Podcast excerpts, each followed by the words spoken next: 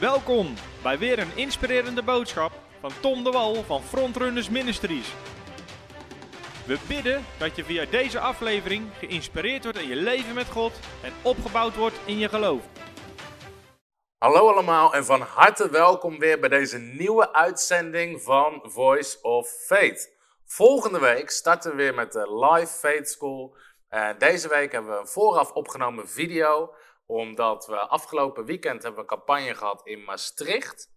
En vanaf donderdag hebben we onze Greater, uh, Greater Faith Conference.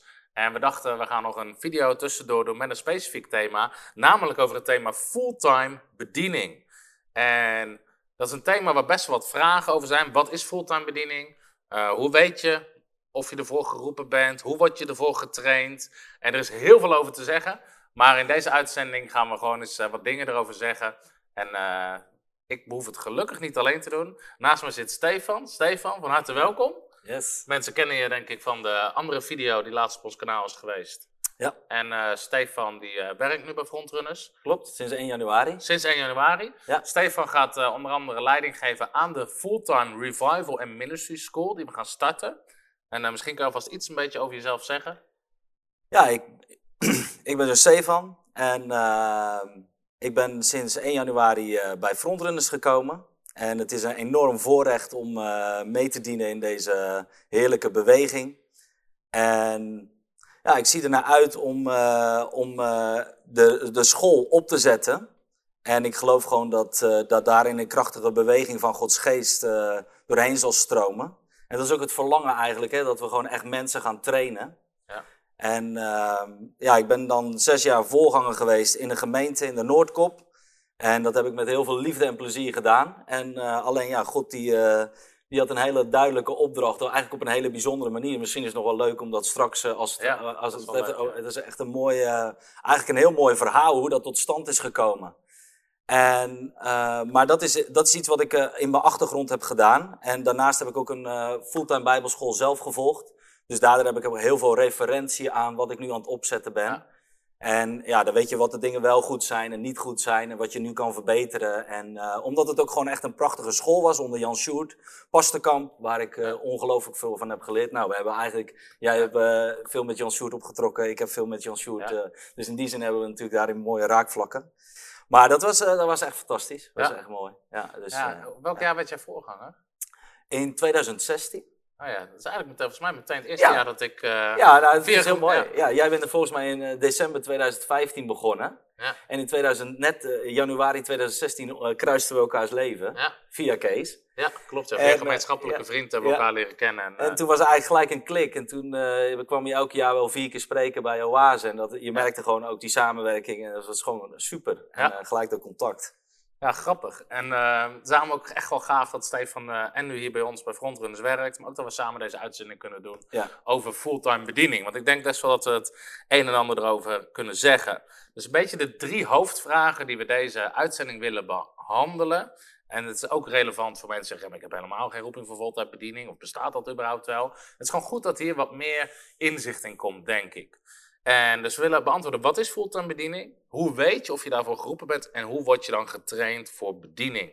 Nou, dan heb ik meteen twee mededelingen die hiermee te maken hebben. Trouwens, sowieso zijn onze gebedslijnen open, dus die kan je bellen.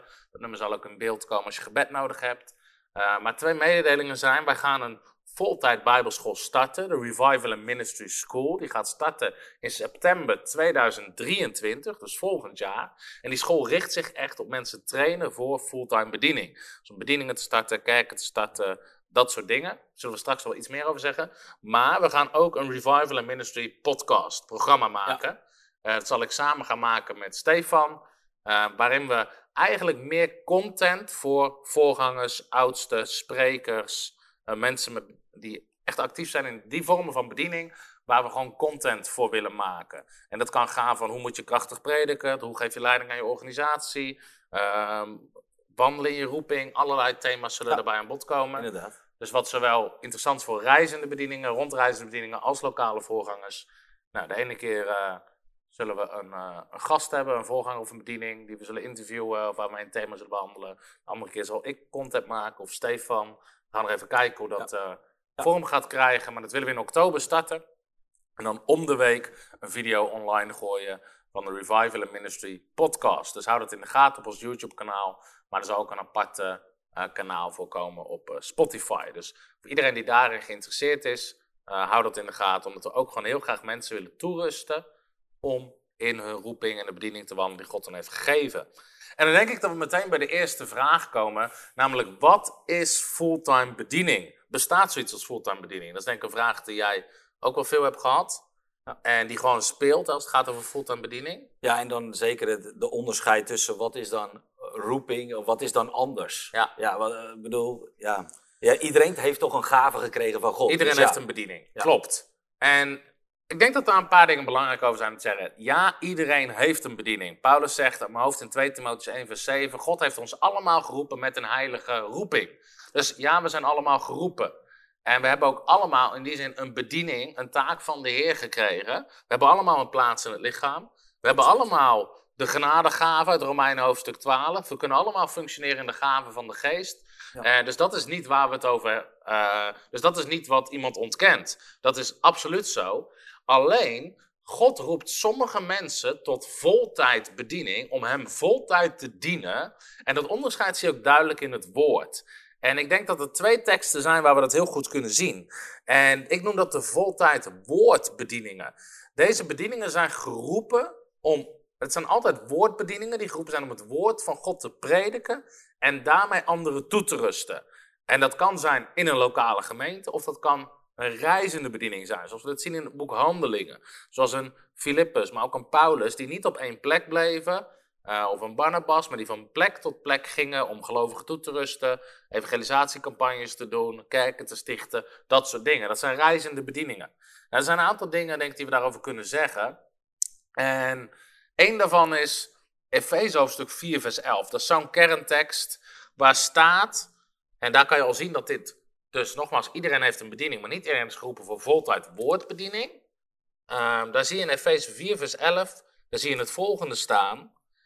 Ehm daar staat, en hij heeft sommigen, dus niet allen, hij heeft sommigen gegeven als apostelen, anderen als profeten, weer anderen als evangelisten, nog weer anderen als herders en nog weer anderen als leraren. En daar staat Jezus, hij, hoofdletter, Jezus heeft sommigen gegeven als. Dus niet iedereen, maar sommigen hebben die roeping van apostel, profeet, herder, leraar of evangelist.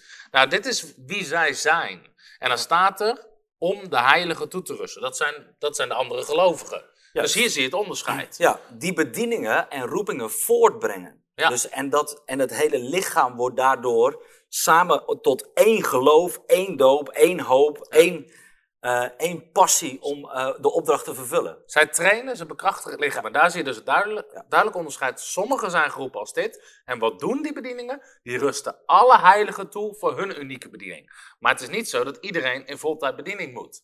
Nee. Nou, eh, heb jij denk ik ook wel eens gehoord, toen je voltijd, voltijd in bediening ging, zeggen mensen, ja, maar Paulus was toch ook een tentenmaker. Dus je moet gewoon een baan daarnaast hebben. Nou, dat is iets te kort door de bocht. In Handeling hoofdstuk 6 zie je het volgende. Handeling hoofdstuk 6 vanaf vers 3. In Handelingen 6 zie je dat de gemeente groeit ontzettend snel. Je had daar de apostelen die nog in Jeruzalem waren. En dan zie je dat, het zo, dat er ook heel veel praktische zaken te doen waren.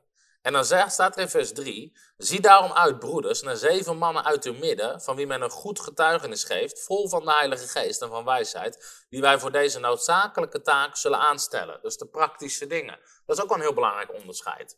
Absoluut. Ondersteunend. Als je net begint in bediening, of je nou een gemeente start of een bediening start, zul je alles moeten doen. Van heel praktisch, ik maak ook wel eens een grap, weet je, in het begin dat wij een samenkomst deden, je moest prediken, de aanbidding doen, de mensen vangen, je moest de mensen welkom heten, je moest alles doen. Maar als de bediening groeit, kan dat niet meer. En dan zie je dus hier, stel mensen aan voor die noodzakelijke taken. Dat is ook een bediening. De Ministry of Helps heet dat in het Engels. Ja. In, eh, in Nederlands is denk ik de gaaf van dienstbetoon. Mensen die weer je dienen en helpen. Wij echter, zeggen de apostelen, zullen volharden in gebed en de bediening van het woord. Ja. Dus ze zeggen, wij willen ons kunnen focussen op die woordbediening. Op de kern van de bediening. Dus bij frontrunners hoef ik niet meer de administratie te doen. Hoef ik niet de pand schoon te maken. Waarom niet? Ik wil me kunnen focussen op de bediening van gebed en van het woord. Op de hoofdbediening. En dan zie je dus dat ze duidelijk zeggen, er is daar een onderscheid en dat is de bediening van het woord. Nou, die apostelen, profeten, herders, leraren en evangelisten zijn allemaal woordbedieningen. Ze zijn geroepen om het woord te prediken. En dan zeggen mensen, ja, maar kan je dat niet met een baan daarnaast? Nou, misschien in het begin wel, maar als jouw bediening groeit, kan dat niet meer. Paulus zei trouwens, dat is even voor mensen om dat te helpen te begrijpen, dat Paulus ging naar nieuwe gebieden toe, waar mensen nog helemaal niet geloofden, naar de heidenen. En hij zegt, ik wil niet van de heidenen geld nemen om ze te bereiken met het evangelie. Juist. En hij wilde niet onder hun manipulatie komen, hun controle komen. Dus Paulus zegt, ik werk gewoon met mijn eigen handen en dan ben ik helemaal vrij. Maar Paulus zegt ook in 1 Korinthe 9, ik weet niet of ik hem hierbij heb staan. 1 Korinthe 9 vanaf vers 13. Weet u niet dat zij die de tempeldienst verrichten, refereert in het Oude Testament naar de Levieten, naar de voltijdpriesters, was een hele stam in Israël die niet klopt. mocht werken, Ja. maar die voltijd apart gezet. Ja. apart gezet voor de Heer, van het heilige eten. En dat zij die steeds bij het altaar verkeren, hun deel ontvangen van de offers van het altaar. Ook heel interessant. Soms hoor je in Nederland wel eens offers opgehaald worden. Eh, hiervan is niks voor, voor mijn salaris. Dit gaat allemaal Nee. naar de bediening. Nou, als jij geen salaris kreeg, verhongerde je. Paulus zegt, zij krijgen een deel van de offers om zelf van te kunnen leven. Dus dat, is- dat is al belangrijk. Maar dan zegt hij, zo heeft de Heer, ook met het oog op hen, die het evangelie verkondigen, opgedragen dat zij van het evangelie leven. Dus hier zie je heel duidelijk mensen die voltijd het evangelie verkondigen, het woord van God verkondigen, moeten ervan kunnen leven. Daar zit gewoon hun levensonderhoud in. Absoluut. Anders kun je ook niet verder, eh, je ziet anders, dan kun je ook niet makkelijk verder komen in die bediening, zeg maar. En dan kun je ook mensen niet op een dieper niveau toerusten. En je hebt gewoon nodig dat je gewoon constant in het woord bent ook. Zodat Ja. je ook die persoon kan worden Ja. om anderen voor te, om anderen eh, te vermenigvuldigen als het ware. Ja. Dus eh, dat is ook gewoon nodig. Plus los van inderdaad hè, het prediken zelf, alles wat er omheen te doen is. Ja. In 1 Timotheüs 5 vers 17, nog even een tekst om het onderscheid aan te geven. Laat de ouderlingen, de oudsten, die goed leiding geven, dubbele eer waard geacht worden. Vooral degenen die arbeiden in het woord en in de leer. En dan staat er in het volgende vers, want de schrift zegt, een dorsende os mag u niet muilkorven. En de arbeider is zijn loon waard. Dus waar heeft Paulus het hier over? Met, die moeten dubbele eer krijgen. Dat spreekt over een financiële beloning. Want hij zegt, een dorsende os mag u niet muilbanden. Nou, die tekst haalt hij ook aan in 1 Korinthe 9. In het Oude Testament, als een os aan het dorsen was, dus die was de oogst aan het binnenhalen, mocht je hem geen muilkorf om zijn bek doen, zodat hij zelf niet ervan kon eten. Nee, terwijl hij de oogst binnenhaalde, moest hij zelf ook eten. En Paulus zegt dan in 1 Korinthe 9, ja, zegt God dit voor de ossen? Nee, hij zegt dit voor ons. Dat degenen die werken in de oogst, de oogst van Jezus, moeten zelf daarvan kunnen leven. Ook hier in de gemeente zie je dus dat onderscheid. Dus even een aantal teksten om even het verschil aan te geven tussen wat is voltijdbediening en wat is gewoon roeping die iedereen heeft. En ja, er zijn mensen geroepen voor voltijdbediening en die moeten daarvan kunnen leven. Dus er moet ook financiën voor vrijgezet worden. Je ziet wel in al, die, in al die teksten komt dus terug dat het elke keer gelinkt is aan degene die onderwijzen en, Ja. het, en het woord brengen. Ja, Dus en, en, eh, en toezicht of leiding geven aan de gemeente of Ja. aan schapen. Of, hè, daar zie je eigenlijk altijd een gecentreerde punt van zij moeten onderhouden worden, zij moeten in niets tekort komen. ja.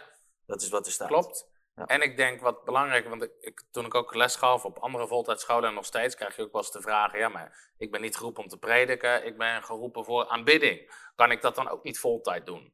Nou, dat is wel een interessante vraag. Zeker. Omdat de bediening van aanbidding, maar iedere andere soort bediening, valt in de Bijbel in de categorie ministry of helps. Het zijn ondersteunende bedieningen, vaak aan de bediening van de evangelist, of aan de bediening van de voorganger, of aan de bediening van de apostel, of aan de bediening van de profeet. Ja. Dus, en dat zie je bij Paulus ook, Paulus zegt in handelingen, ik heb niet alleen mezelf, maar mijn hele team onderhouden, deed Jezus ook. Ja. Jezus had een team mee. Nou. De apostelen waren niet altijd aan het prediken, soms zond hij ze uit, maar ze waren ook heel vaak gewoon Jezus aan het dienen en aan het helpen. Klopt. Nou, wij hebben bij Frontrunners nu 14 of 14 mensen ongeveer in dienst. Worden Eh, er 17. We worden er 17. Er zijn er nog wat eh, die we aan hebben genomen, die nog beginnen. Maar we hebben ergens tussen de 14 en 17 mensen in dienst. Zijn dat allemaal predikers? Nee, dat zijn ook heel veel mensen die vallen in die categorie Ministry of Helps. Ja. Of de gave van leiding geven. Ja. Die gewoon Ja. ons kantoorteam aansturen. Die de vrijwilligers aansturen. Die de administratie verwerken. Die de boeken inpakken. Allemaal dat soort dingen. En dat zijn ook mensen die bij ons in voltijd bediening zitten. Want die krijgen daar gewoon salaris voor. Omdat ze hier gewoon 40, 50, 60 uur in de week mee bezig zijn. En, maar dat valt dus in de categorie Ministry of Helps. Wat ondersteunend is aan de woordbediening. Wat eigenlijk body geeft aan die woordbediening. Zodat die verder Absoluut. kan groeien. Ja. Ehm, Hoe, hoe, is dat bij jou, hoe is dat bij jou dan eh, ontstaan, zeg maar? Jij bent jij bent ook begonnen in voltijdbediening. Hoe is die, hoe is die weg? Klopt.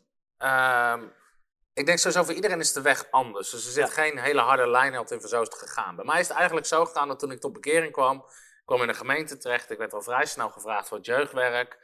En ik kreeg al heel snel heel veel profetieën ook. Van God heeft geroepen voor bediening, God heeft geroepen als een prediker, je zal de wereld over reizen. Je zal in, al, dus er werd heel snel heel veel geprofiteerd. En ik begon gewoon als jeugdleider. Dus ik begon gewoon daar met een bijbelstudie te geven aan de jeugd. Nou, op een gegeven moment kwam ik in een andere gemeente terecht, waar helemaal nog geen jeugdwerk was, waar we het jeugdwerk eigenlijk gingen pionieren. Nou, dan kon ik om de week, eh, of soms wekelijks, moest ik daar preken. Wat denk ik al een heel belangrijk aspect is, waar we straks nog iets meer over gaan zeggen, dat je ergens, je hebt ergens de kans nodig om te oefenen, om je gaven te ontwikkelen. Maar meteen de zondagochtenddienst of grotere samenkomst is niet altijd de juiste setting. Nee. En ik heb in die tijd gewoon heel veel kunnen leren, omdat ik om de week moest spreken.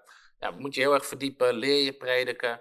Met alles wat je doet, fietsen leer je niet in een, in, een, in een kwartier of in een uur. En heel veel andere dingen leer je ook niet door het één keer te doen. Je moet het heel vaak doen. Hetzelfde met prediken.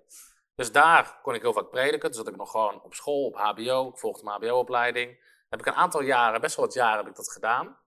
En op een gegeven moment had ik twee, drie bijbaantjes, zodat ik gewoon eh, mijn dingen kon betalen. Ik was jeugdleider. Ik zat ook in het leiderschap van de gemeente. Eh, waren een bijbelschool aan het opzetten daar in die gemeente. Dus nou, ik denk dat ik met de gemeente ook wel 30 uur in de week bezig was. Ik had mijn bijbaantjes en ik had een voltijd HBO-opleiding. Nou, op een gegeven moment ging dat niet meer bij elkaar. En toen vroeg God mij heel duidelijk ehm, om hem te gaan vertrouwen voor voorziening. Nou, dat was nog relatief makkelijk, want ik woonde nog bij mijn ouders. Maar ik moest wel mijn eigen kleding betalen, mijn eigen reiskosten als ik ergens moest spreken. Al die dingen moest ik allemaal zelf betalen. En daar heb ik eigenlijk gewoon God geleerd om te geloven voor voorziening. En dus aan de ene kant kan je zeggen, ja, zat ik toen in voltijd bediening. Nou, ik had ook nog een opleiding daarnaast, et cetera. Op een gegeven moment was ik klaar met mijn opleiding. Femke, ehm, toen waren we verloofd, die deed in Engeland bijbelschool. En na die opleiding, ik wist God heeft een roeping op mijn leven. Ik werd ook steeds meer gevraagd om op andere plekken te prediken. Ik had ook echt een verlangen eh, daarna. Maar toen heb ik een tijd apart gezet, toen ik aan het eind van mijn hbo-opleiding, want ik wist nu moet ik een keuze maken. Of je gaat werken Ja. eh, in bedrijfsleven, eh, maar je moet ergens een keuze gaan maken. Ik ging trouwen, dus... En toen heb ik echt tijd apart gezet. Want toen heb ik gezegd, heer, als u me voltijd in de bediening roept, moet ik het echt van u weten. Ja. Want je gaat tegen gigantische uitdagingen aanlopen. En gigantische tegenstand. En eh, los van alleen financieel op allerlei gebieden. Allerlei gebieden. Dus ik wist, ik moet 100% zeker weten dat God me hiervoor roept. Daar heb ik een tijd apart gezet om te bidden. En ik vergeet nog maar, het was, ik was drie weken aan het bidden. Iedere dag lag ik voor het aangezicht van God. En op de 21ste dag antwoordde God. En iedere dag bad ik hetzelfde, maar ik wilde God horen. En ik denk, daar zit ook al een les in. Want soms zeggen mensen, ja, ik heb een keer gebeden, ik heb niks gehoord. Dus God vindt het goed. Ja, ja. Of dus God vindt het niet goed. Ja. Soms test God je hart. Ben je echt hongerig? Ben je echt nederig? Dus drie weken was ik aan het bidden en, ik, en God sprak tot me. Dat, ik weet nog, het was een woensdag.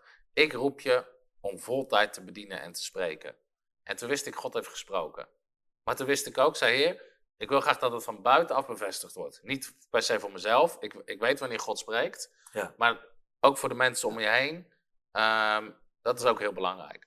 Nou, die donderdag was er een profeet en die kwam naar Arnhem. En ik kende die man niet goed. En ehm, ik zat er in die samenkomst met, eh denk drie mensen met me mee die me kenden. En ehm, we zaten ergens op de derde rij of zo in die samenkomst. En die man is aan het prediken. En die stopt midden in zijn preek en die wijst me aan. En eh, hij zegt, God roept je voltijd de bediening in. Ga je organisatie opzetten, ga maar beginnen. Eh, geld zal komen, mensen gaan komen om te helpen. God roept je voltijd de bediening in. En toen wist ik heel duidelijk, Ja. dit is echt een moment. dat, God dat bevestigt. Ja. Ging het makkelijk? Nee. Want eh, er waren niet heel veel mensen enthousiast over dat idee, kan ik je vertellen. Zelfs mensen in de gemeente niet, voorgangers niet. Jan Sjoerd wel. Die, Ja, die, ja, ja. Jan, Jan Sjoerd geloofde in mensen. Ja. Eh, Sjoerd zag altijd potentie. Jan Sjoerd zag altijd potentie. Ehm, maar ja, maar, zo begrijp, mijn eigen ouders stonden ook niet, eh, waren ook niet heel enthousiast. En, want we zouden gaan trouwen en dan krijg je al die dingen. Waarvoor ga je leven? Waar ga je wonen? Wat denk je te gaan doen? Maar ik wist, God heeft echt gesproken.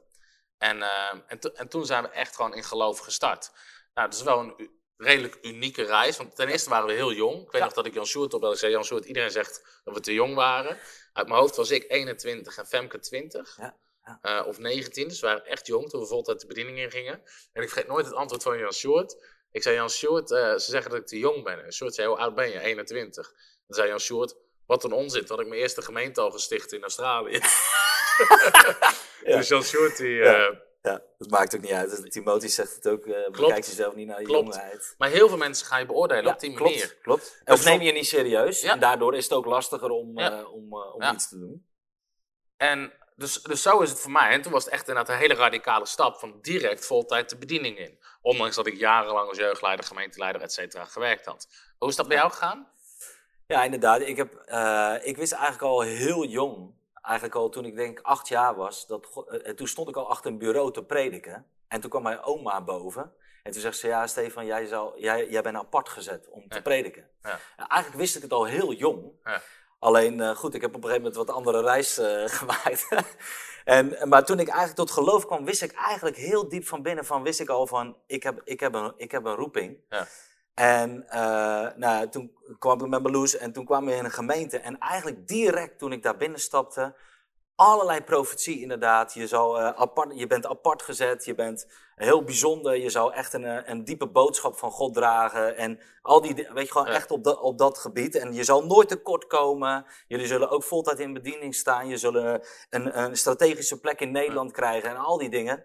Dus er wa- waren gewoon heel veel mooie profetieën. En uiteindelijk heb ik, hebben we toen samen gezegd: oké, dan moeten we ons leven totaal neerleggen. Al voordat we getrouwd waren. En dat hebben we toen ook gedaan. Hmm. En toen, zei, eh, toen zeiden we: ja, moeten we kopen of moeten we huren? En toen zei God: ik wil dat Dat is je. trouwens wel een hele belangrijke eh, keuze. Hè, van, ook in je partnerkeuze. Hè, dat, dat vraagt echt iets. Het vraagt offers, het vraagt commitment, het vraagt door moeilijke tijden heen gaan. Al die dingen kom je tegen. Absoluut. En als je niet de juiste partner hebt, ga je er niet doorheen komen. Nee. Want die zegt, weet je wat je doet? Neem lekker een baan in de wereld. Ja, Huisje, ja. boompje, beestje. We kiezen voor het gemak en de veiligheid. Klopt. Dus En dat partnerkeuze. is ook wat je heel vaak Ja. wel ziet. Het is natuurlijk. heel mooi dat jullie dat van tevoren. Al, al deden. Ja, Ja. en dat is ook iets waar je altijd terug aan refereert. Van ja, wij zijn ooit begonnen en we hebben gezegd: God heeft de allereerste plek. Als God spreekt, dan doen we het.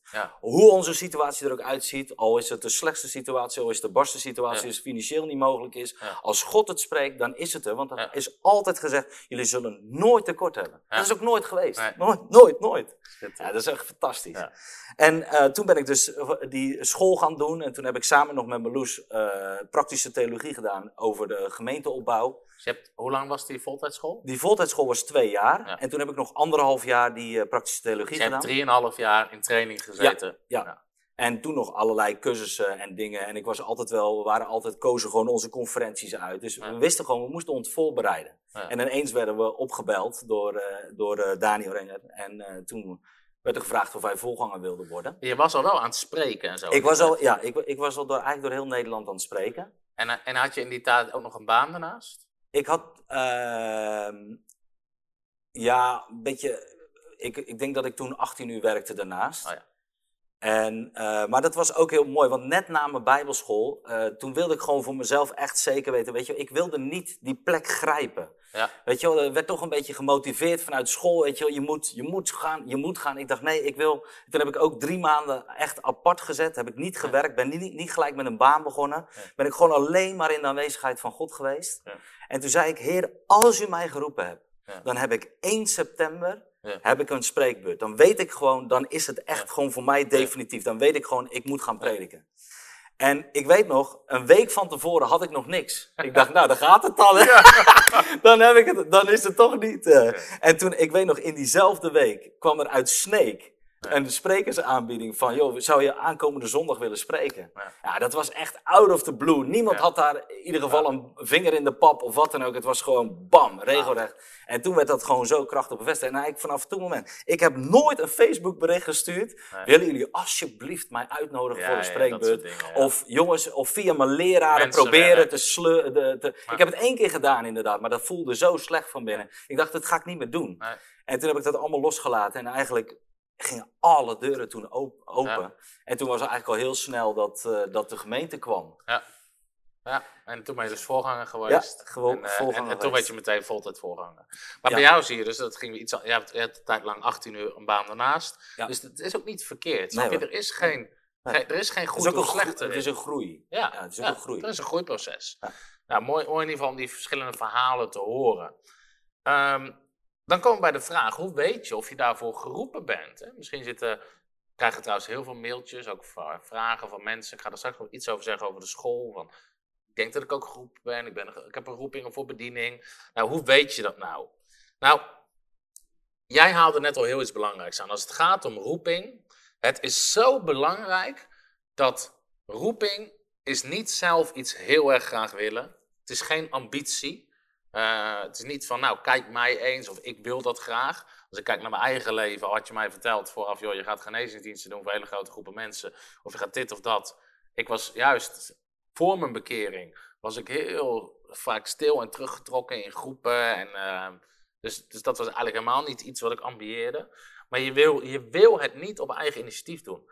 Want ik zeg wel eens, heeft Jezus je gezonden of heb je het zelf verzonnen? En dat is Ja, belangrijk. absoluut. In absoluut. Lucas 22, vers 35, daar heeft Jezus zijn discipelen uitgezonden. En dan komen ze weer terug en dan zegt hij tegen hen: Heeft het u aan iets ontbroken toen ik u uitzond, zonder beurs, reiszak en sandalen?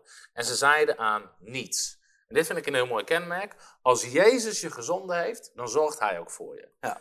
En dan zal het je aan niets ontbreken. Wat jij ook net zei, we zullen geen gebrek hebben.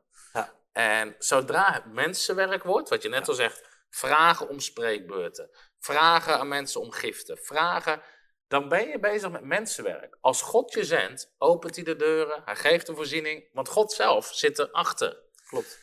Nou, dit is misschien shocking voor sommige mensen, maar een vriendin van mij die gaf leiding aan echt een wereldwijd bekende bijbelschool. Hele bekende bijbelschool voor zendelingen. En op een gegeven moment hadden we een gesprek over hoe het ging met studenten en er kwamen echt honderden studenten per jaar. En allemaal het verlangen om de zending in te gaan, roeping, bediening. En ze zei tegen mij, 80% van de mensen die hier komt, heeft geen roeping op hun leven, maar ze vluchten weg van omstandigheden waar ze thuis in zitten. Ja. En dat raakte me toen. Ja. En ik denk dat zie je nog steeds wel. Zeker weten. Mensen hebben thuis of hebben gewoon hun leven niet op orde. Kunnen geen goede baan krijgen, lopen vast op school. eh, weet ik veel, relaties lopen vast. En omdat dat anderen niet lukt, ja, dan heeft God me geroepen voor de bediening. Ja. Maar dat is niet hoe het werkt. Of komen ze op een bijbelschool Ja. en hopen ze ja, dat er iets... eh, maar weet je, het is een keuze als je in training gaat. Weet je? Ja. Het is een keuze om alles los te laten. Maar ze Ja. hebben niet alles losgelaten. Ja. Want ze hebben eigenlijk nog een beerput in hun binnenste. En zijn nog op zoek naar allerlei dingen. Dan horen ze al dat onderwijs. En proberen ze te grijpen iets wat ze helemaal niet... Ze kunnen zichzelf ook niet plaatsen. Zoals de discipelen dat ook hadden. Hè? Ze kunnen zichzelf niet plaatsen. Ze wilden zichzelf een stoel toebedelen die helemaal niet van hun was. En Jezus wijst daar ook terecht van... joh, dat moet je niet doen. Want dat is niet jouw plek. Dat is niet jouw plaats. Bediening is niet wegvluchten van andere verantwoordelijkheden. Van nou, ik heb geen zin om te werken, dus ik ga maar spreken. Dat is niet hoe het werkt. De Bijbel zegt, als je niet werkt, zal je geen eten hebben. En dat, Ja. en dat zie je vaak in dat soort gevallen. Ja. Dus bediening is geen mensenwerk. Je kan jezelf niet in bediening roepen. De Bijbel zegt, Jezus ging de berg op, hij bad, hij kwam naar beneden en hij wees de twaalf aan van de menigte. Jij wel, jij niet. Jij wel. Ja. Hij riep sommigen eruit. Hij riep die vissers eruit. Laat alles achter je en volg mij. Zaten er andere vissers? Ja, maar die riep hij niet. Het is een roeping van Jezus. Ja. Anderen kunnen je er niet in profiteren. Dat is denk ik ook belangrijk. Zeker weten. Profetie is belangrijk. We houden van profetie. Als je een roeping op je leven hebt, zal het bevestigd worden met profetie. Maar soms zie je te pas en te onpas wordt er van alles en nog wat geprofiteerd over mensen. Ja. De geest van exclusiviteit. Ja. Zeg ik altijd. Mensen groot maken terwijl dat het uiteindelijk niet de echte Ja. datgene is wat er op zijn leven ligt. Ja. Weet je, we vinden het moeilijk om te profiteren dat je op de achtergrond bezig bent met iets belangrijks. Ja. Als je zegt achtergrond, dan zijn, we, dan, hè, dan zijn de meeste mensen teleurgesteld. Terwijl dat misschien wel juist de mooiste plek is, omdat jij daar het meeste floreert. Als je op een podium staat, heel veel mensen die trekken het podium helemaal niet, omdat er zoveel bij komt kijken. Ze hebben helemaal geen perceptie ervan. Dus en dat is, dat is, dat is natuurlijk eh, soms schrijnend om te zien. Dus je moet het ook echt 100% zelf Zeker. weten. Daar gaan we zo meteen nog wel iets meer over zeggen. Hè, ministry, Jezus zegt in Lucas 2, dan zijn zijn ouders hem kwijt en dan vinden ze hem in de tempel. Dan zegt hij, weet u niet, in de Engels staan zegt, I must be at my father's business. Ik zeg altijd, ministry is God's business. Dus mensen vragen mij, zit je in de business? Ja, we zitten in God's business. Amen. Maar dat betekent, als God je geen baan geeft, heb je geen baan. Nee. Dus het is God zelf die jou daarvoor uitnodigt. Ja. Dat gezegd, ik zeg het al vaker ook op onze ministers conferences. Some are called, some are sent, others just bought a microphone and went. en ik denk, dat is wel belangrijk. Van. Heeft God je echt geroepen en gezonden? Gaan we zo meteen nog wel wat meer over zeggen. En dan gaan we ook met onze voltijdschool echt mensen in trainen. Als je geroepen bent, waarvoor? Ja. Waarvoor? Dat is heel belangrijk. Ik hoor heel veel mensen zeggen, ja, ik ben gastspreker. Maar die bediening lees ik niet in de Bijbel. Nee, klopt. Paulus zegt niet, sommige apostelen, andere profeten, anderen als gastsprekers. Je moet weten, wat ben je? Wat is jouw taak in het lichaam van Christus? Ja. Daar zouden we heel veel over kunnen zeggen. Ehm, maar dat je zit op de plek waar je moet zitten. Het Koninkrijk van God is groot. Vergelijk het met een, eh nee, ik- nou, noemen een heel groot bedrijf in Nederland. Ehm, Albert Heijn. Gigantisch bedrijf. Als de Albert Heijn jou een baan geeft, is het wel belangrijk dat je weet of je aangenomen bent om de toiletten schoon te maken op het hoofdkantoor, of je aangenomen bent als vakkenvuller, als, eh, als een filiaalmanager of als marketing op, op, op, het hoofdkantoor. Er is van alles te doen in het Koninkrijk Ja. van God ook. Als God Klopt. je een baan geeft, heeft hij een groep als lokale voorganger, heeft hij een groep als evangelist. En zijn we misschien meteen wat heilige koeien aan het slachten. Ja. Maar heel veel mensen zeggen, ja, ik ben groep als zendeling. Zendeling is niet een bijbelse bediening. Nee, het is gewoon een opdracht voor iedereen. Ja, Je moet geroepen zijn voor Nederland. ja. Dus Weet je, wat, dus, om in Nederland te blijven. Want hij zegt, ga, ga heen Ja. in deze wereld. Ja. Dus je hebt een roeping nodig voor Nederland. Ja, als je hier zit. En zelfs als je zegt, ja, maar God heeft me geroepen als zendeling naar Afrika. Wat ga je daar doen als zendeling?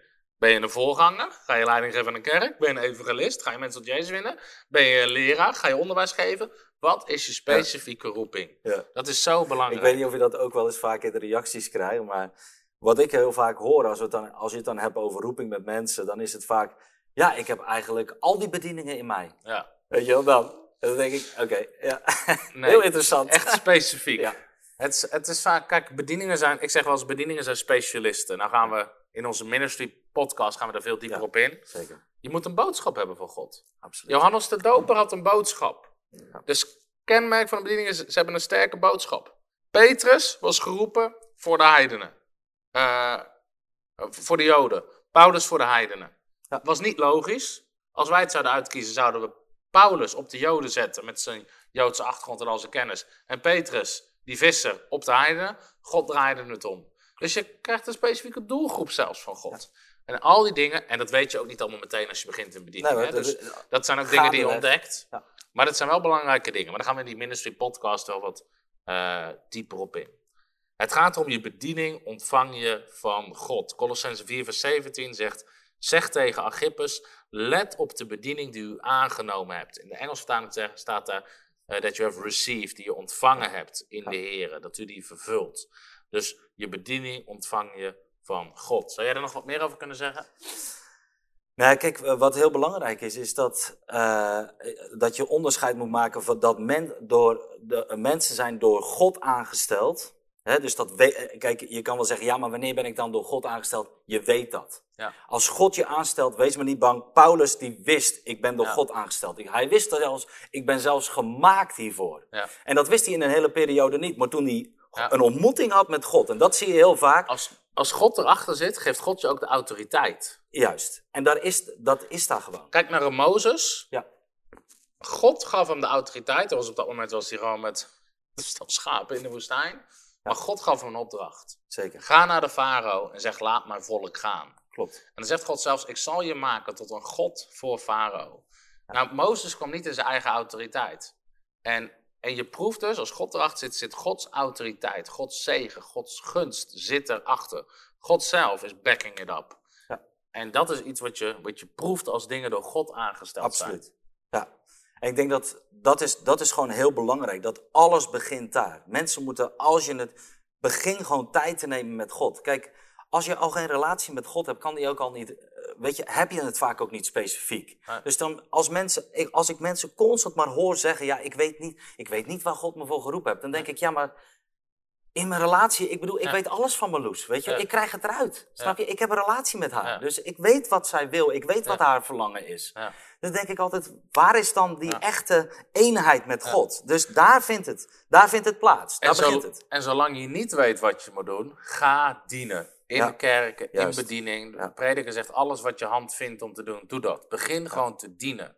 En dat is zo belangrijk. Er is niemand die direct in bediening wordt geroepen zonder eerst te dienen. In op, een- op een andere plek. Want dat is, de, dat is hoe het koninkrijk van God werkt. Zeker. Ja, en wat je hebt is dat, eh, ja, is dat eh, mensen zichzelf aanstellen. Ja. Hè, dus, dus, en dat is denk ik, als je kijkt bijvoorbeeld naar Korach, is heel interessant om te lezen in nummer eh, 16 en 17, waar die dus ineens de, de, de geroepenen, Aaron en Mozes, ineens lager neerzet om zichzelf omhoog te zetten. Ja. Want ja, maar wij zijn toch hetzelfde? Ja. En daarin stopt hij de erkenning, maar probeert hij eigenlijk iets te grijpen wat hij wil. En dan zegt Mozes, als hij eerst in de tegenwoordigheid van God, die het ook nog eens een keer gaat ververen bij de Heer, van joh, als het zo is, Ja. weet je wel, dan wil ik het ook echt horen. Ja. Ik vind dat heel mooi, van, ook Ja. van een heel nederige houding van. Mozes. Van, hij zegt, nou ja, dit is mijn autoriteit en de opzouten jij. Nee, hij gaat terug naar God en hij hoort het opnieuw. En dan zegt hij, is het niet genoeg, Korach, dat jij dit en dit en dit mag doen? Is het niet genoeg? En dat is voor heel veel mensen in de kerk Ja. die niet kunnen erkennen op het gebied van leiderschap. Ja. Of gewoon kunnen erkennen, dit is mijn plaats in het lichaam. Ja. En daar dankbaar voor zijn. En daarin de liefde van God, daarin de gave van de geest, daarin kunnen dienen om het lichaam van God iets groot. We zijn, niet, we zijn. Deel van iets veel groters dan alleen maar jouw koninkrijk. Ja. En dat moet echt stoppen in Nederland. Ja. Gewoon die hele leiderschapscultuur. Je weet Ja. het wel van apostelen, profeten, leraren. Dat wordt allemaal afgenekt, allemaal afgeroomd. Weg ermee. Want dat is allemaal, ja, maar die gaan boven mij staan. Het gaat niet om boven. Het is een functie die aan het lichaam gegeven is. En mensen die willen allemaal ergens een podium of gezien worden. Maar dat is jezelf aanstellen. En dat heeft in Nederland heeft dat twee, heeft dat, je hebt, je hebt twee kanten erin. Mensen dat die zichzelf aanstellen, dus de mensen die zichzelf uitroepen tot iets. Ja. Terwijl dat is ook wel interessant, dat zie je niet in de Bijbel. Het wordt altijd door anderen bevestigd. Klopt. En je hebt inderdaad de mensen die niks accepteren van, maakt niet uit wat iemand zich noemt, voorganger, we zijn allemaal gelijk. Juist. Weet je wel? Nee, de Ja. Bijbel spreekt over voorgangers, over Ja. leiders, over oudsten. Ik heb Dat het letterlijk gehoord. Hij, Stefan gaat ook gewoon naar de wc. Ja. Ja, maar waar gaat dit over? Daar gaat het toch niet over? Nee, maar God heeft mij een specifieke plaats gegeven op dit moment. En die plaats heb jij niet, en anders had hij jou geroepen. Want ik ben van buitenaf gekomen en jij zit hier binnen, al twintig jaar. Ja. Het is, dat is, Dat dat is zo Nederlands. Ja, het is heel Nederlands. Maar dat is wel waardoor, waardoor bedieningen vaak, waardoor je bijna geen bediening in Nederland ziet. Zodra Stefan niet meer naar de wc hoeft, laten we jullie het weten. Ja, ja, dan laten we jullie het weten. Dan, dan is het ook echt een volmaakte bediening. Oh, oh, oh, oh, oh. Ja. Mensen die zichzelf aanstellen. Ja. Of eh, je wordt door anderen aangesteld, dus, Du- dus op het gebied van een democratische eh, besluitvorming. Ja.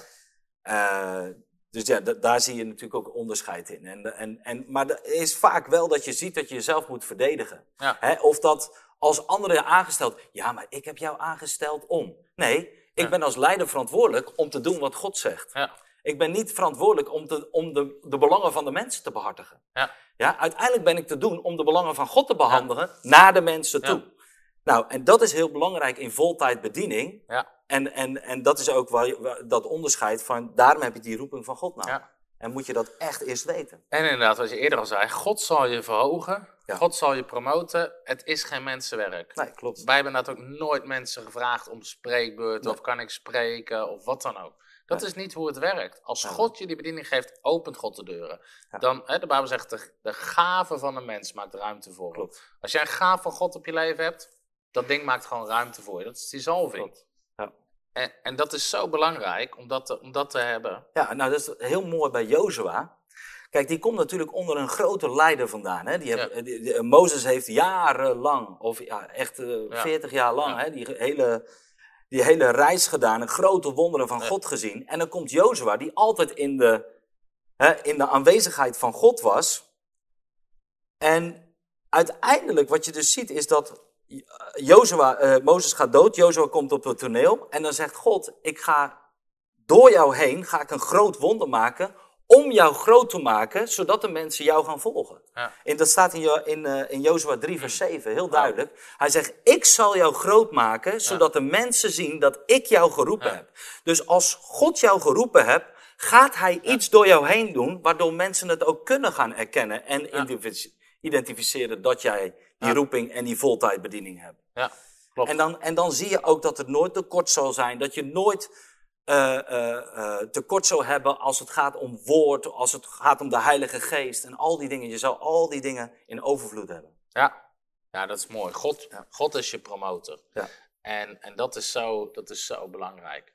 Dat je gewoon weet God zelf. En dan heb je ook zoveel meer rust. Klopt. En ben je niet afhankelijk van mensen. Soms vragen voorgangers mij ook wel eens, als we ergens een campagne doen, wie heeft je uitgenodigd? We hebben onszelf uitgenodigd. Ja, En we konden, Ja. en we hebben ja gezegd. Maar als God zegt dat we naar een bepaald gebied moeten, of dat God zegt dat we iets moeten doen, of God legt een gebied op ons hart, hey, doe daar een campagne.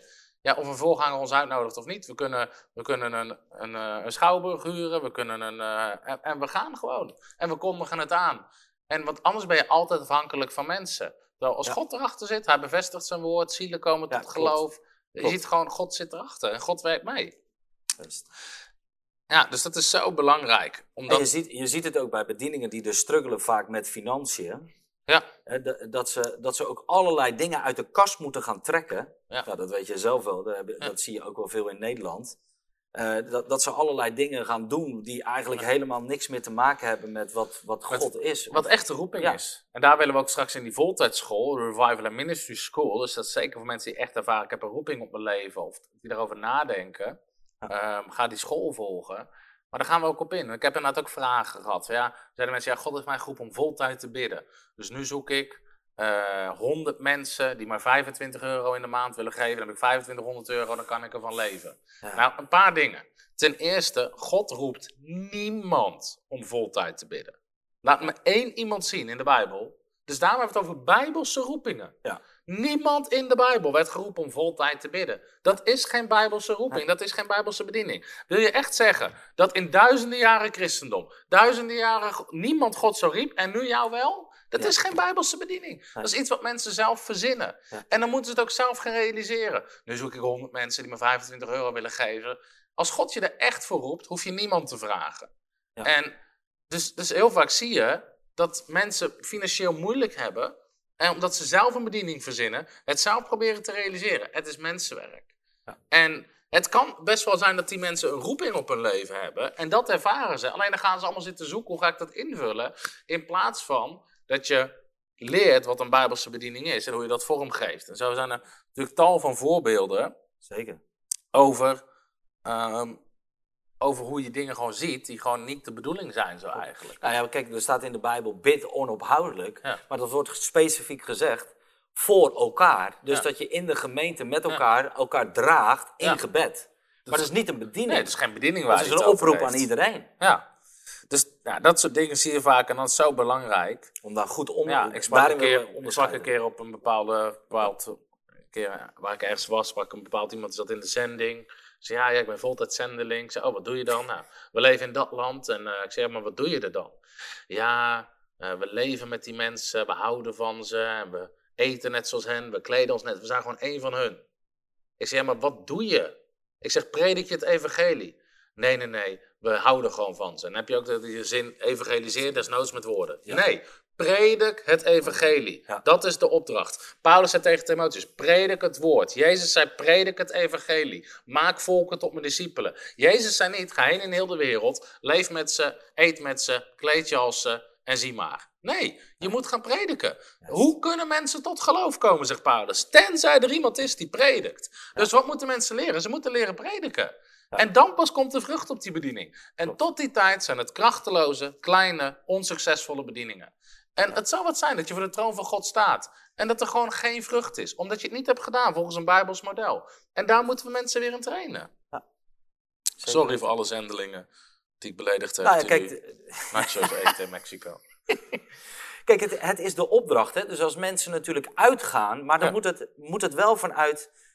Wat is de opdracht? Predik. Ja, Predik Ja. het evangelie. Ja. Onderhoud ze ja, en, doe, en genees de zieken die er zijn. Drijf demonen uit. Dat is de opdracht. Dus dat is de zendingsopdracht. Dat, is, eh, hè, dat is uitgaan, weggaan, ergens naartoe gaan. En dat is met dat doel. Maar nooit anders. Klopt, het ik is geen andere Ik sprak een mogelijkheid. keer een jongen, die had ook voltijd bijbelschool gedaan. Ze hebben een zendingsreis gemaakt. Ik zei, oh, wat heb je gedaan? Ja, waterputten geslagen. Ja. Ik zei, ja, en verder? Ja, nee, dat. Ik zeg, heb je die mensen niet over Jezus verteld? Nee, nee, nee, het doel was waterputten slaan. We zijn geen lid van het Rode Kruis. We zijn het Koninkrijk van God. Ja. Prima als je waterputten slaat. Sla er een put en predik het evangelie. Ja. Drijf demonen uit, genees zieken. Maar die mensen weten niet eens of het Rode Kruis is geweest, Greenpeace, de kerk. Ze weten het niet eens. Ik heb gelijk een preek ervoor trouwens. Ja, maar je ziet heel vaak van dat soort dingen. Zeggen ze, ja, we zijn in Afrika geweest. Wat heb je daar gedaan? Een kerk geschilderd. Die mensen kunnen prima zelf schilderen. Ja. Ook daar hebben ze verf. Ze hebben tijd genoeg. Ook zij kunnen hun eigen... Ja. Er hoeft geen groep Europeanen of Amerikanen naar Afrika te gaan om daar een kerk te schilderen. Dat kunnen Nee. ze zelf. Ja. Het, allemaal niet-bijbelse bedieningen, allemaal eigen werken. En er zit gewoon geen vrucht op. Ja, de kerk is wit in plaats van rood aan het eind van de week. Ja, ja. Maar waar we mensen moeten trainen is gewoon de opdracht van Jezus en vrucht dragen in het koninkrijk van God. Ja. Nou, dat even over voltijd- voltijdbediening. Maar goed. Nou ja, Eh, het is goed om dat onderscheid Ja. echt te gaan maken. ja, Want inderdaad, wat je zegt, eh, we, we willen dat, dat in, in de Revival Ministry School willen we gewoon echt heel duidelijk die bedieningen trainen. ja, Dus als je denkt van ja, we, eh, nou is er ook, hè, krijg ik Ja. ook wel vragen over, is het, eh, is het voor aanbidding? Ja. Nee, het is niet voor aanbidding. Ja. Want wij trainen je gewoon in het woord van God. En dat jij later misschien daar een aanbidding mee gaat doen, dat je dat gaat gebruiken. Maar we trainen je in het woord. En het allereerste is, is dat je dat, dat, je dat, Dat is ook interessant natuurlijk. Hè? Maar dan komen we weer op een stukje aanbidding. En we geloven in aanbidding, we geloven in aanbiddingsleiders. Maar hoe krachtig zou het zijn als veel aanbiddingsleiders getraind zouden worden in prediking, zieken genezen, demonen uitdrijven, dat soort dingen. Want dan heb je die woordbediening heb je erbij. En Dus als je hebt- dat verwerkt in de aanbidding. Ja, dat klopt. en als dat samenkomt, je krijgt mensen samen met je aanbidding en daarna begin je te prediken. Dat is, de prediking is de kracht van God. De prediking, dat is het middel wat God heeft uitgekozen. Zegt de Bijbel zelf. Eh, om mensen tot geloof te laten komen. Dus dat is, dat is waar God mee werkt. Absoluut. Dus dat even zou ik er veel meer over kunnen zeggen over voltijdbediening. Maar ehm, nou, misschien eventjes nog kort samenvattend. Hoe herken je of je geroepen bent voor echt voltijdbediening? Nou, ik denk het zijn een aantal dingen. Nog voordat je in voltijdbediening zit, zal er ergens een heel diep hartsverlangen zijn om God te dienen. Een diep hartsverlangen om voltijd het koninkrijk van God te dienen met je gaven, met je talenten. Daarmee begint het. Het begint met het willen. Een buitengewone passie, honger en leergierigheid voor Gods woord, Gods koninkrijk en Gods zaken. God zal ook in je bewerken dat je een buitengewone honger en passie hebt. Als je niet meer passie hebt dan één keer in de week naar de kerk gaan, heb je geen roeping voor voltijdbediening. Er moet iets in je staan, een passie gebrand voor het koninkrijk van God. Jezus was met ontferming bewogen. Over Jezus staat er zelfs, heel veel mensen weten het niet, maar Jezus werkte zo hard, dat staat in Marcus, dat mensen om hem heen dachten dat hij gek was geworden. Alleen, er staat er ook vaak, de ijver voor uw huis heeft mij Ja. verslonden. Ja, die is heel mooi. Jezus had een ijver voor het huis van God. Er is een ijver, een passie in, een- voor in je hart voor het huis van God. Dat staat trouwens in Johannes, die tekst die ik net aanhaalde. Maar in, ehm, volgens mij is het Marcus hoofdstuk 3. Oh ja. Dan heeft Jezus constant genezingen, wonderen. En er staat er in vers 20. Zij kwamen thuis en, ze kwamen, en er kwam opnieuw een menigte bijeen. Zodat ze zelfs geen brood konden eten. Jezus had niet eens tijd om te eten. En toen zijn verwanten dat hoorden, dus zijn kennissen, familie, gingen zij erop uit om, tegen, om hem tegen te houden. Want ze zeiden, hij is buiten zichzelf. In andere woorden, hij is gek geworden. Jezus had zo'n passie. Iedere keer als hij die menigte zag, werd hij met ontferming bewogen. Hij had zo'n ijver voor het huis van God, voor het koninkrijk van God, dat hij daardoor in actie kwam. Mensen die geroepen zijn voor voltijd bediening, zullen een buitengewone ijver, passie en honger hebben voor het woord van God, Gods koninkrijk en Gods zaken. Ja. Ik ontmoette ook een keer iemand die was overtuigd dat hij geroepen was als evangelist. Maar hij zei, ja, maar ja, ik hou er niet echt van om een Bijbel te lezen. Dat kan niet. Dat, dan heb je, heb je misschien wel een hart voor verloren mensen, maar het begint met het woord van God. Absoluut. Ehm, anderen zullen ergens herkennen de roeping van God op je leven. Dus als God je echt geroepen heeft, zullen anderen dit ook gaan erkennen en bevestigen. Soms met profetieën, nogmaals, het is geen leidraad. Nee. Soms gewoon dat mensen proeven iets wat op je leven heeft gelegd. God legt iets op je leven en andere mensen zullen dat proeven. Ja. En uiteindelijk, voordat je echt in voltijdbediening gaat, moet daar een duidelijk roepingsmoment zijn. Waarvan je gewoon weet, dit is wat God van me vraagt. Dit is wat God, eh, wat God voor me heeft. Ja. Ik denk dat zijn wel een aantal belangrijke Zeker. Kenmerken. Ja, en wat je net zei bij punt 2, dat is eh, even om aan te vullen. Er moet, een, er moet ook een, een verlangen zijn om jezelf op te offeren. Ja. Alles te willen opofferen. Ja. Kijk, dat, dat vergeten we nog wel eens. En dan zeggen ze, ja, maar Jezus heeft al dat offer gebracht. Ja. En nu kan ik, weet je, op een luie stoel zitten en God doet het allemaal door me heen. Maar dat is het niet. Het is niet dat je in de bediening gaat werken en dat je, eh, dat je eh, om acht uur start en om vier uur weer naar huis gaat. Die mentaliteit is niet de mentaliteit van het koninkrijk. Wat je Nee. net al zei, even om aan te vullen, dat is gewoon. Dat is da- wa- sommige mensen nog steeds denken, of als ze dan in Ja. een bediening zitten, dat, dat dat kan. We hebben ook mensen die bij ons hebben gesolliciteerd op functies. Hè, de- om, een, om een bijbelschool te leiden of wat dan ook. Zeggen ze, ja, maar ik wil wel zoveel vakantiedagen. Ik wil wel zo minimaal dit salaris krijgen. Ik wil niet langer dan dit tot dat werken. Ik wil die, die, die en die en die avond in de week vrij. Want dan ga ik met de vriendengroep dit doen en dat doen. Ik, ik, ik wil, ik... Nee, God wil. Ja. Wij hebben in het begin U van... wil geschieden. Ja, je legt alles neer. Ja. Wat zei Jezus tegen de discipelen? Laat alles achter je en volg mij.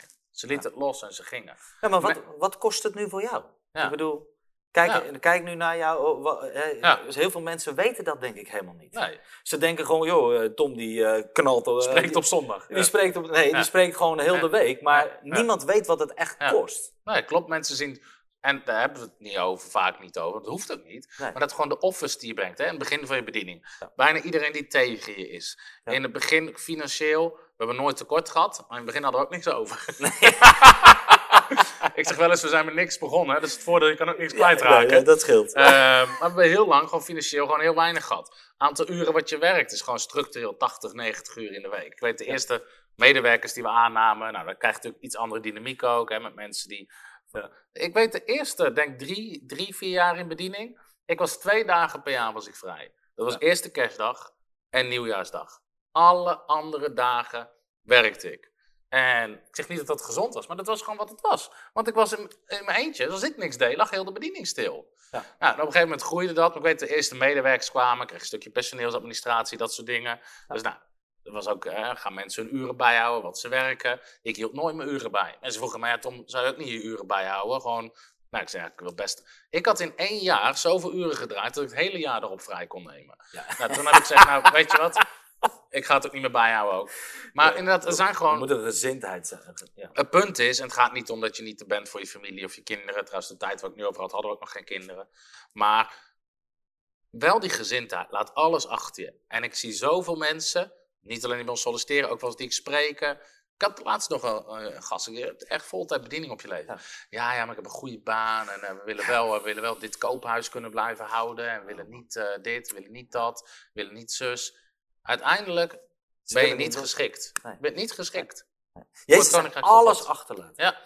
Als je, het, als je het wil behouden, dan Ja. zul je het verliezen. Ja. Gewoon, maar dat heeft niet alleen te maken met materialisme. Dat heeft te maken met, ook met je bediening, met de, met de gaven van de geest, met alles. Je laat alles lopen. En bij, bij, bij, bij mij zat het dan gewoon, hè, wij, wij hebben dus geen, ik ben geen voorganger. Ehm, maar goed, wij deden natuurlijk... Daarom heb je het gegrijze haren. Oh. We deden 250 diensten, nog steeds. 250 diensten per jaar. Je schrijft je boeken, je hebt je buitenlandse reizen, je hebt gewoon al die dingen meer. Maar goed, jij was voorganger. Ja. Daar zit ook een dynamiek achter Zeker. van bruiloften, maar begrafenissen. eh, dingen waar je nu op moet komen dagen. Dus Nou, ik heb in anderhalf jaar denk ik iets van 15 begrafenissen gehad. Ja. En dan heb je gewoon nog je normale werk wat gewoon draait. ja. En Maar Kijk, die en als gemeente ook. gewoon draait, dan Kijk, jij krijgt ook een telefoontje zaterdagnacht om 4 uur. Ja, ja, of hoor. als je op vakantie bent. Ja hoor. Of dat, en dan Ik moet heb je drie vakanties ben ik, hebben wij gewoon niet gehad. Ja. Omdat ik gewoon elke keer naar huis moest. voor, voor een begrafenis. Voor een begrafenis. Dus nou, je hebt zes jaar ben je voorganger geweest, drie vakanties, dus drie jaar. Ja. Heb je gewoon, dat zijn dingen die mensen niet beseffen. nee, klopt. Nogmaals, kijk, als een gemeente groter wordt, je hebt meerdere voorgangers, kan je, kan je het weer. Maar dat is niet altijd zo het begin. niet. Nee, dat was niet. Dus als je niet bereid bent om dat soort offers te brengen, Sommige mensen komen niet verder in bediening omdat ze niet bereid zijn om de offers te brengen die erbij horen. Ja. We kwamen op dit punt. Oh, wacht, ik wilde net nog iets zeggen over. Ja. over eh, nou, jij zegt het is niet 8 tot 4. Sommigen zeggen ja, we zijn onder genade, God doet alles. God moet Ja. het doen. Ja. Nou, dat is, dat is de balans. God doet het en jij doet het. En Paulus zegt in 1 Korinthe 15, vers 10. Door de genade van God ben ik wat ik ben. En heeft hij het over zijn apostelschap. Ja. Dat is genade van Ja. God.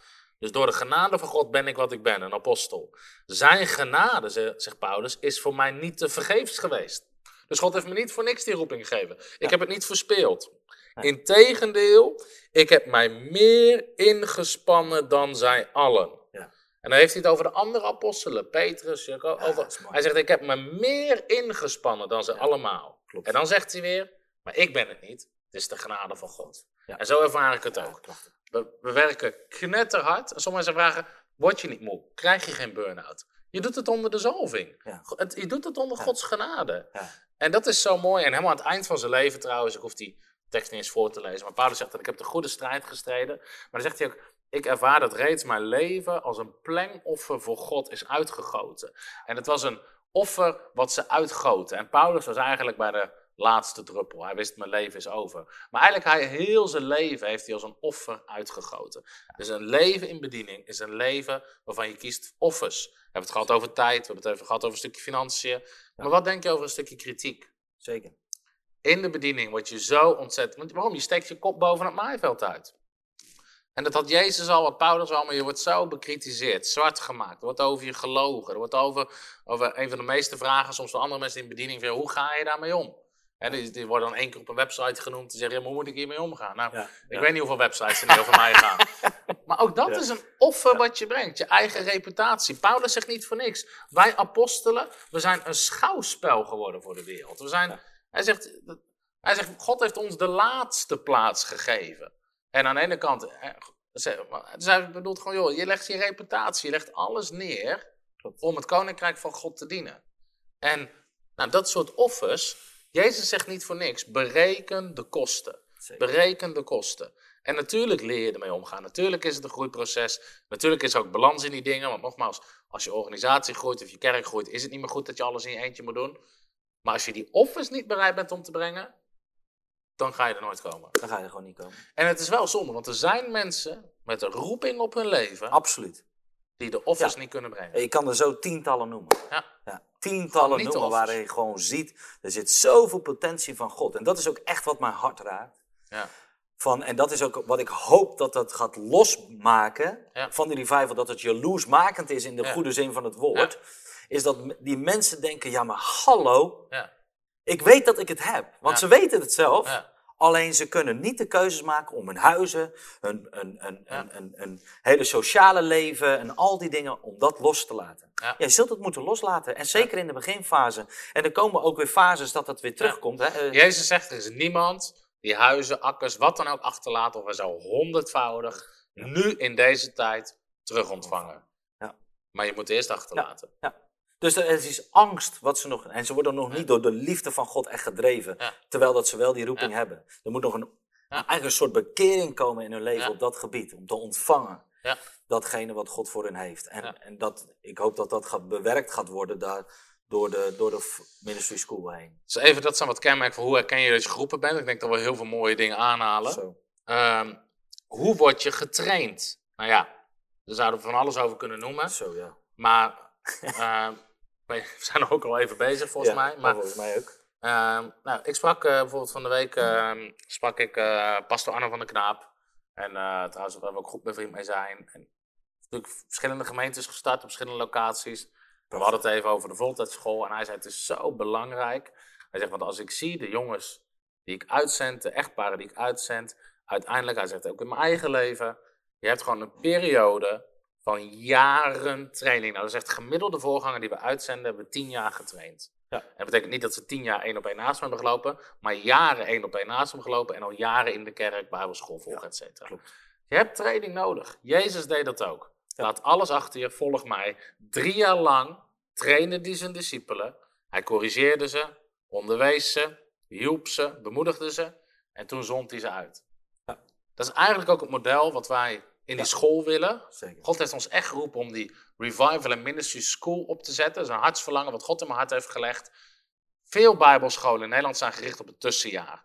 Als je niet weet wat je wil gaan doen, kom dan naar bijbelschool. Dat is mooi als verdiepingsjaar. Dat is mooi voor een stukje groei, geestelijke groei. Maar dat is niet het doel van onze voltijdschool. Wij zeggen, als je weet wat je wil doen. Met andere woorden, je weet, je hebt een roeping van God op je leven. Misschien weet je nog niet precies wat, of weet je niet hoe je het moet doen, maar je weet in geval, ik heb een roeping van God op mijn leven. Dan ga ik Bijbelschool doen. En dan word je getraind. En daarom heet het ook de Revival and Ministry School. Wij willen een nieuwe generatie bedieningen gaan trainen. In, als apostelen, als profeten, als herders, als leraren, als evangelisten, om kerken te planten, om prediker te worden, om evangelist te worden. We willen je gaan trainen in die bediening die God op je leven heeft gelegd. Maar dat gaan we doen aan de hand van het model van Jezus. Absoluut. En dus de school duurt drie jaar, eh, waarvan de eerste twee jaar zit sowieso heel veel praktijk in.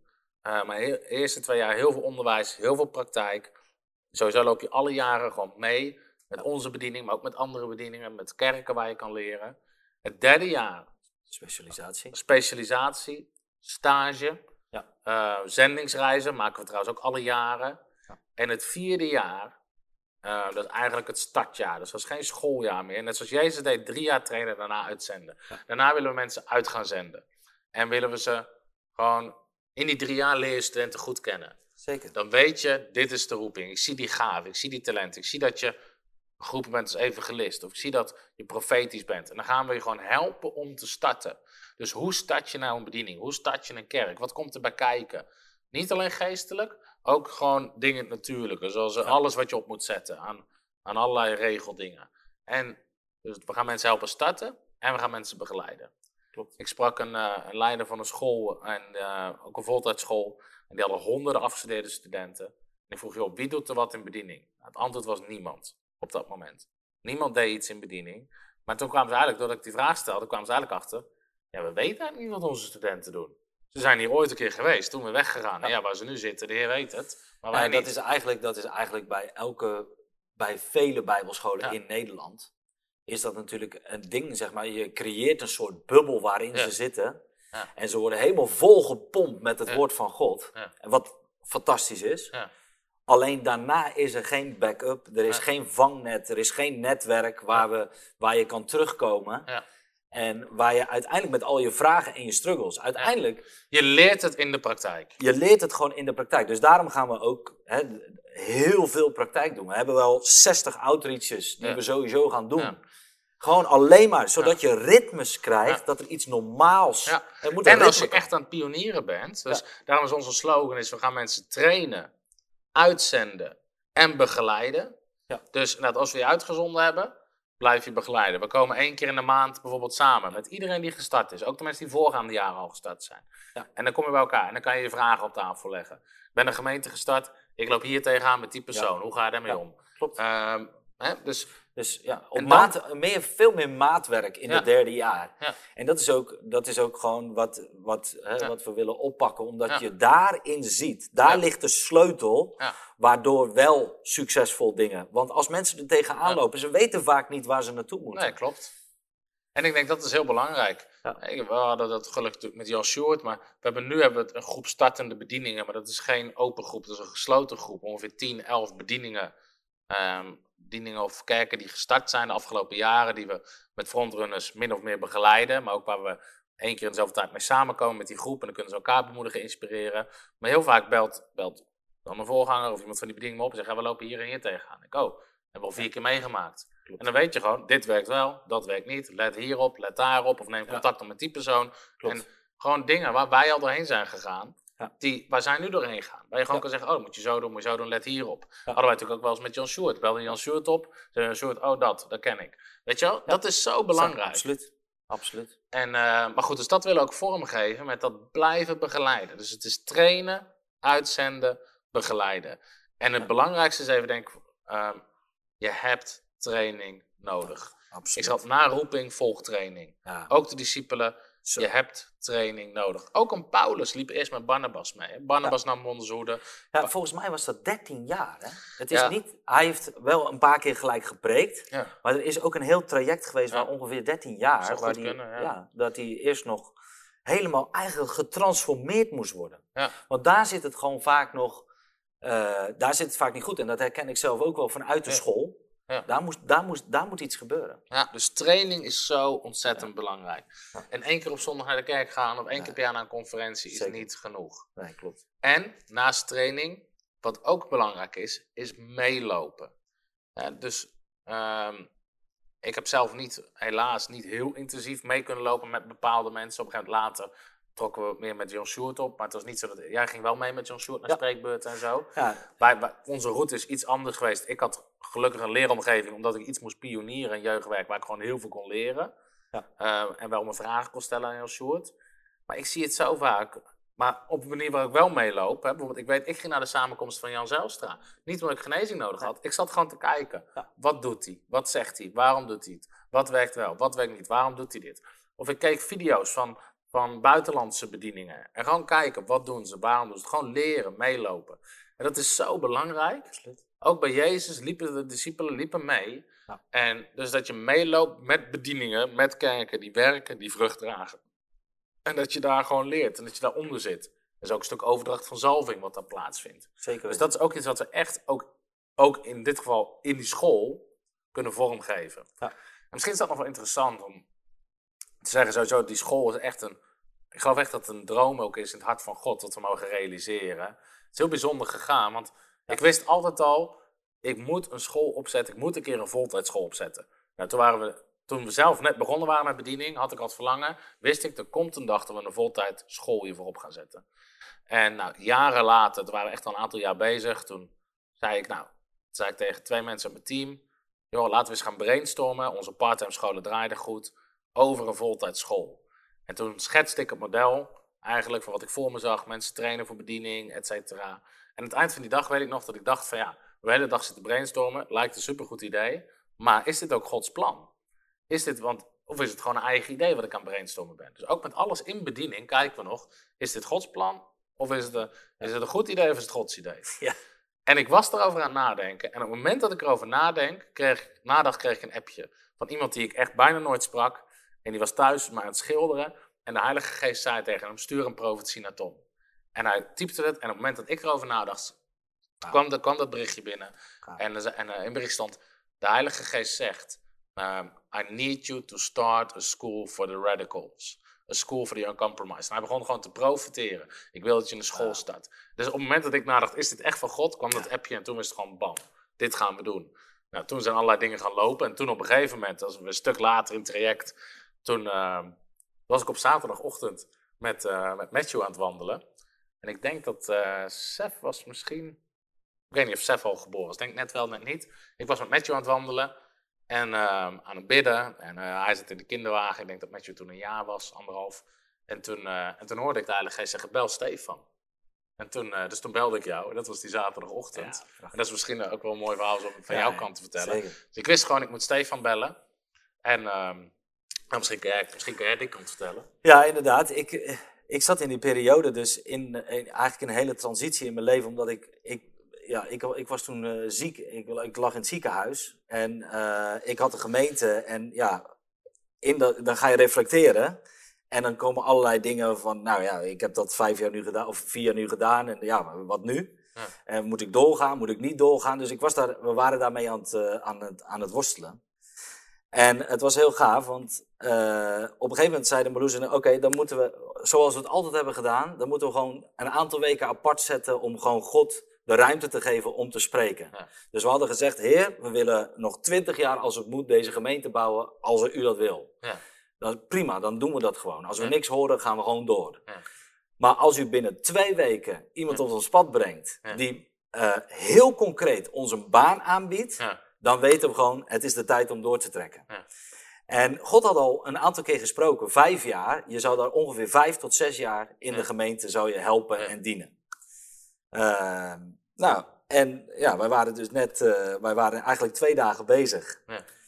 En eh, toen belde jij. Ja. En dat was, a- toen zei hij, jij zei ook gewoon direct van, eh, ik wil je een baan aanbieden. Ja. Om eh, om eh, voltijd leider te worden. En toen hebben we het eerst naast, even naast ons neergelegd van, nou Ja. oké, dit is, dit, eh, dit hebben we gevraagd. En toen zei ik van, ja, ik wil gewoon eerst bevestiging. Ja. Moet gewoon eerst ook van buiten Ja. afkomen nog. Nou, dat kwam. Ja. Op, ook weer op een bijzondere manier. Dus Ja. dat is natuurlijk, dat was echt gaaf. Ja.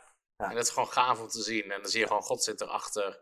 En eh, God voorziet ook in de mensen, in de middelen en alles wat nodig is. Amen. En ehm, ja. het is gewoon gaaf om te zien. Dus we willen, of willen, we gaan dat doen. We gaan die voltijdschool starten. Ja. Specifiek voor mensen in voltijdbediening.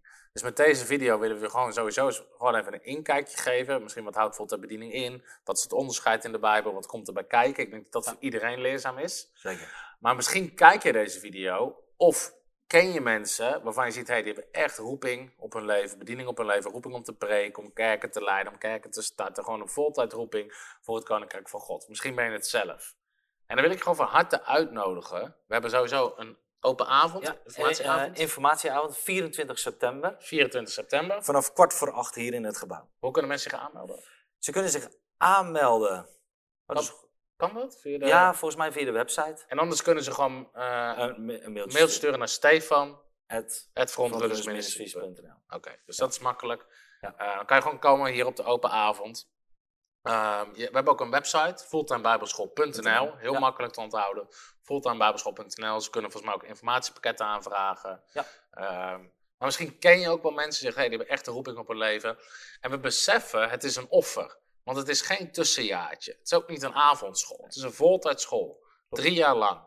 Ehm, dus we snappen, er komen allerlei uitdagingen bij kijken. Maar als jij ervaart, ik heb een roeping op mijn leven en God vraagt van me om getraind te worden, dan zegt Jezus hetzelfde tegen jou. Laat alles achter je en volg mij. En daar begint je geloofsproces, daar begint je geloofsreis.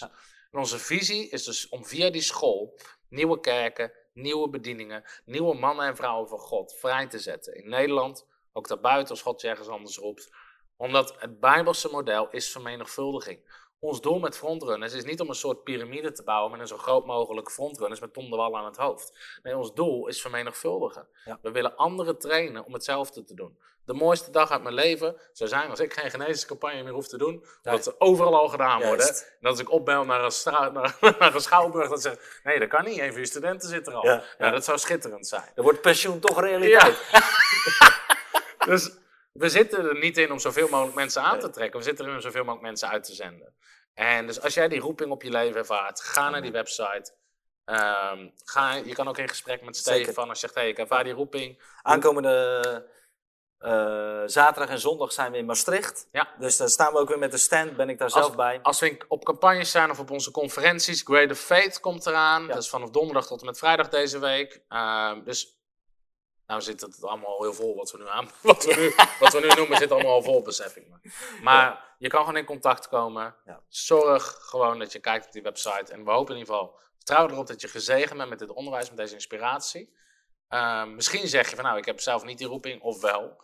Maar ik wil ook gewoon helpen om die school. Ik geloof dat dit in het hart van God is voor Nederland, dat het belangrijk is voor Nederland. Dan wil ik je ook van harte uitnodigen om partner te worden met Frontrunners. En onze partners zijn mensen die meebouwen, mensen die op maandelijks bedrag ieder maand geven, waardoor je ons helpt om nieuwe kerken, nieuwe bedieningen, die mensen te trainen, uit te zenden. Dus zegt, hé, hey, die missie, dat raakt ook mijn hart. Ik geloof dat dit belangrijk is. Dat is ook wel iets, daar hebben we het nooit over, maar de voltijdschool is financieel een grote geloofstap. Zeker. Omdat van iedereen die dit organiseert, de voltijdschool zegt, ja, dat kost alleen maar geld. Ja. Eh, daar zijn we ons van bewust. Maar we willen die investering maken voor Nederland. We hebben helemaal niet gezegd, de school is gratis. Nee, klopt. De voltijdschool is gratis. Gratis. Dus je betaalt, ieder jaar betaal je een bedrag. Ehm, en aan het eind, als je gaat starten, krijg je dat bedrag terug om je bediening te starten. Dus op die manier is het commitment, maar de school is wel gratis. Dus heel veel mensen zeggen, "Ja, maar je moet wel zoveel duizenden euro's per jaar vragen voor je school om überhaupt uit de kosten te komen. Nee, wij willen die investering maken voor Nederland. En we geloven dat er meer mensen zeggen, die zijn die zeggen, ik geloof dat dit nodig is voor Nederland en we gaan erin zaaien. Dus Amen. als je daar ook in wil zaaien, eenmalig giften, maar ook gewoon partner, word partner, bouw op maandelijkse basis, mee en samen bouwen we het Koninkrijk van God in. Nederland. Stefan, thanks dat je bent aangesloten. Ja, was leuk. gaaf. Ja, was echt leuk. En eh, om, eh, de Revival and Ministry podcast komt Ja, er ook dat, aan. dat gaat eh, sowieso te gek worden. We hebben heel veel materiaal om te delen, hoor je al. Ja. Ook gasten gaan erin langskomen. Dus ook daar kunnen mensen die een hart hebben voor bediening, die erin zitten, kunnen daarvan genieten. Hartelijk bedankt dat je deze week weer naar Voice of Faith hebt gekeken. Amen. Ik wil je God zegen wensen. En wellicht zien we je op de conferentie of ergens anders. God zegen en tot snel. Hallo, Tom de Wol hier en bedankt dat je weer geluisterd hebt naar onze podcast. Ik bid dat het je geloof gebouwd heeft en je bemoedigd bent. Als je niet alleen een luisteraar van onze boodschap wil zijn, maar ook een verspreider daarvan, wil ik je uitnodigen om partner te worden van Frontrunners. Door jouw maandelijkse donatie help je ons om dit evangelie van Jezus Christus en het woord van God over heel de aarde te brengen. Om partner te worden, ga naar www.frontrunnersministries.nl slash partners en word partner. Hartelijk bedankt en tot snel. Heb je ook zo genoten van deze inspirerende boodschap van Tom de Wal? Abonneer je dan op deze podcast. Volg ons op Facebook en op Instagram en kijk op onze website frontrunnersministries.nl.